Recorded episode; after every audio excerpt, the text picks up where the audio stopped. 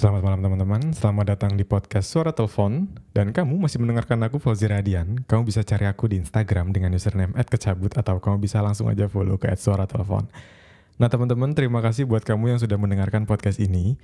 Mungkin podcast ini agak sedikit berbeda Dan aku akan upload podcast ini ke Youtube Fauzi Radian. Kamu bisa cek YouTube-nya kalau kamu lebih suka dengan melihat visual Karena aku akan membawakan sebuah cerita pendek malam kali ini Sebetulnya aku terinspirasi dari seorang Raditya Dika. Aku mendengarkan cerita pendeknya yang berjudul Cium. Menurutku itu sangat bagus. Shout out to Raditya Dika. Terima kasih sudah menginspirasi dan konten malam ini uh, aku persembahkan untuk kalian. Dan kalau kamu suka dengan konten seperti ini, mungkin kita bisa teruskan konten ini lagi. Dan cerpen ini berjudul Dua Bulan Lagi, ditulis oleh Fauzi Rahadian dan dibacakan oleh penulisnya sendiri. Dua bulan lagi. Hari ini jadwal Lisa bertemu dengan vendor dekorasi pernikahan di kafe Jalan Sudirman, Yogyakarta. Sejak pagi, Lisa sudah semangat sekali. Terlihat dari matanya yang bulat dan berbinar dengan rambut panjang sebahu yang dia biarkan menjuntai ke belakang menandakan dia sudah siap pergi. Ibu Lisa melihat gelagat anaknya yang sudah rapi. Dia mengetuk kamar dan masuk perlahan. Mau ke mana nak? Tanya ibu Lisa. Ketemu vendor mah, kan tinggal dua bulan lagi. Jawab Lisa dengan senyum yang besar hingga hampir menyambung dari pipi kanan ke pipi kiri. Ibu Lisa terlihat sedih dan tidak menjawab sepatah kata pun. Lisa yang kebingungan hanya bisa melihat dari cermin meja rias tempat wanita menghabiskan waktu berjam-jam. Dalam hati Lisa bertanya, kenapa mama malah sedih? Apa dia tidak setuju dengan Ardi? Ibu Lisa masih terdiam. Sekilas air matanya turun membasuhi pipi. Berlawanan dengan Lisa yang senang sekali. Ma, kenapa sih? Karena Ardi masih kerja di Jakarta, tanya Lisa. Ibu Lisa tidak menjawab. Dia diam sambil duduk di atas kasur spring bed, merek King Coil yang ada di dalam kamar Lisa. Mama gak setuju karena Ardi tinggal di Jakarta. Aku kan bisa pulang kalau mama kangen, sahut Lisa lagi. Ibu Lisa terdiam. Dia tidak beranjak dari posisinya dan membuat Lisa keheranan sembari telepon Lisa berbunyi. Halo? Lisa mengangkat telepon. Oh, iya kak, Ditunggu ya, sebentar lagi aku jalan. Sambil menutup teleponnya, Lisa bergegas pergi dan pamitan pada ibunya. Sepanjang perjalanan, Lisa hanya kebingungan. Menjelang pernikahannya dengan Ardi, kenapa justru ibunya terlihat sedih sekali? Apa mama tidak punya kecocokan dengan Ardi? Tanya Lisa dalam hati. Lisa akhirnya sampai pada tempat tujuan di mana ia sudah ditunggu oleh vendor yang akan mengerjakan pernikahan Lisa dan Ardi dua bulan ke depan. Diskusi yang cukup alot terjadi, karena Lisa adalah seorang yang perfeksionis. Dia tidak bisa memutuskan semuanya sendiri. Coba dikirimkan ke calon suaminya, Kak. Mungkin bisa ikut memutuskan, tanya vendor dekorasi itu. Dari tadi aku kirim foto, tapi cuma centang satu, Kak, sahut Lisa. Coba ditelepon, karena udah tinggal dua bulan, kita butuh jawabannya segera kak. Permintaannya kan banyak, jadi butuh persiapan yang agak panjang. Balas vendor dekorasi lagi. Lisa lalu mencoba menelpon Ardi. Nomor yang ada tujuh sedang tidak aktif atau berada di luar area. Cobalah beberapa saat lagi. Sudah sebulan Ardi memang sulit dihubungi. Mungkin memang sibuk, karena ditugaskan di Jakarta, Ardi selalu bilang bahwa pekerjaannya sangat padat dan akan sedikit mengurangi intensitas komunikasi. Ah, mungkin lagi meeting, jawab Lisa dalam hati. Diskusi pun berlanjut. Lisa akhirnya memutuskan dekorasi pilihannya tanpa bertanya pada Ardi. Di sela-sela meeting, Lisa mendapatkan notifikasi dari handphone yang bergetar di atas meja. Notifikasi yang ditunggu-tunggu akhirnya datang juga. Lisa lalu membuka layar handphonenya yang sudah pecah setengah karena sering terjatuh di kamar mandi. Ternyata dari mama. Lis, malam ini kita ketemu teman mamah lagi ya. Nanti malam kita ketemu di resto langganan kita. Lisa bergumam. Dalam hati ia kesal dan marah. Lisa bertanya-tanya, kenapa sudah sebulan ini ibunya selalu mempertemukan dia dengan temannya? Apalagi sih ini mama? Kan udah tahu aku mau nikah sama Ardi. Apa maksudnya jodoh-jodohin sama orang lain? Lisa bergumam dalam hati. Lisa pulang dengan perasaan kecewa. Di dalam hati ia kesal dan mempertanyakan apa yang dilakukan oleh ibunya. Perasaannya mulai tidak stabil.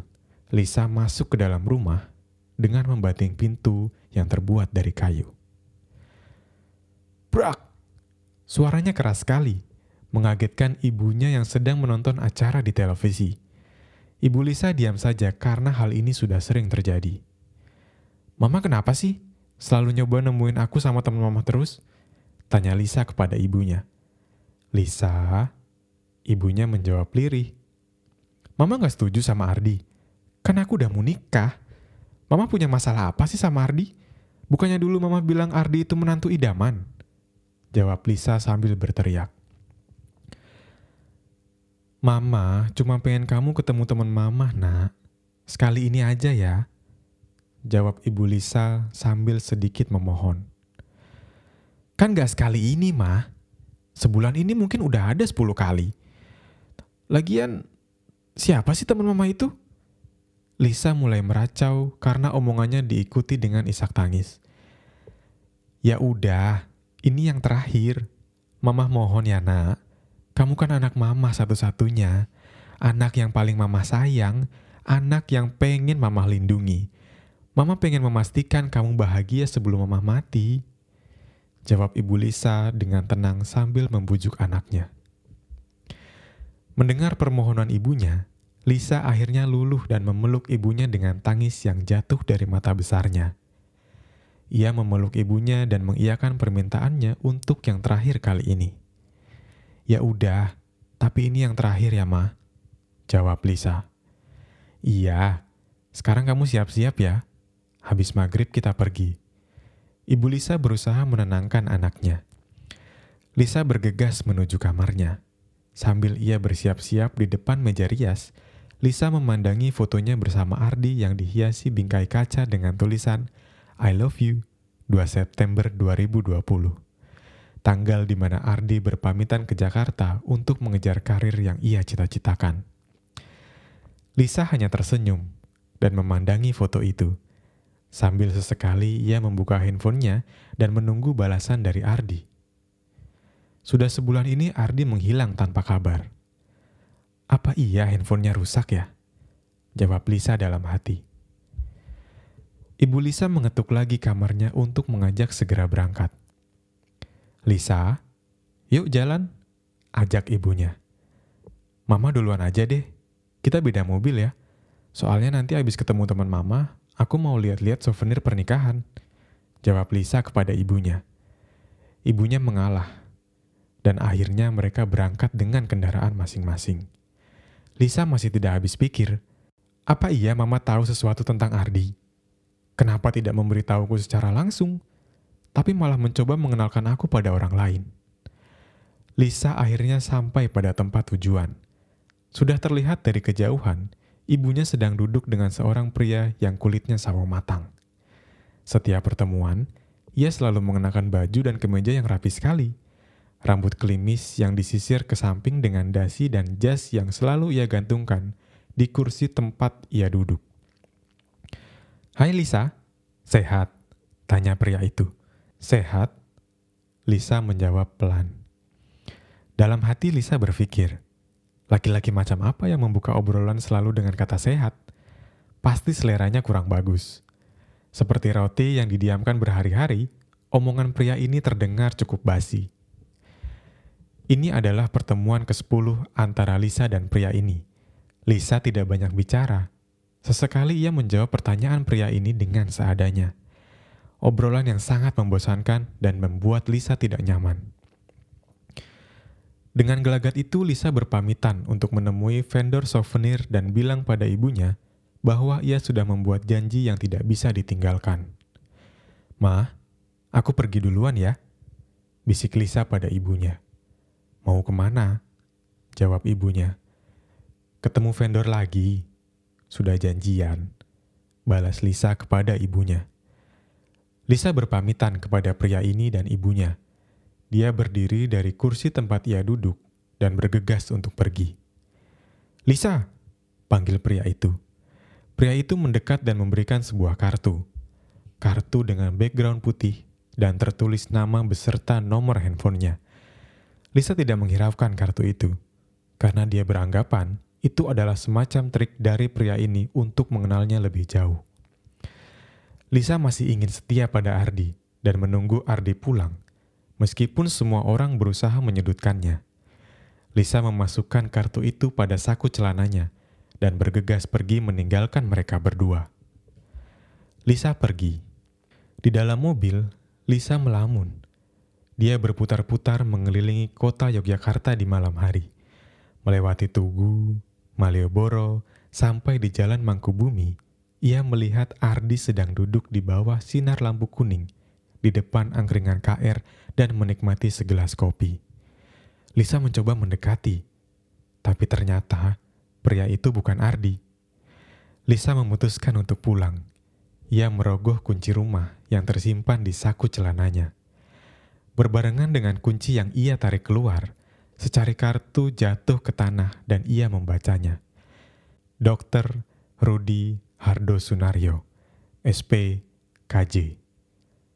Oh, jadi mama memintaku untuk berpacaran dengan seorang dokter sekarang. Lisa hanya tertawa. Di dalam hati, ia keheranan kepada ibunya. Ia masuk rumah dan segera mencari ibunya untuk meminta penjelasan. Terlihat ibunya sedang menonton berita di televisi. Berita yang belum hilang dalam satu bulan ini. Berita tentang kecelakaan pesawat dengan rute Jakarta-Jogja dan semua penumpangnya meninggal dunia dan tidak bisa diselamatkan lagi.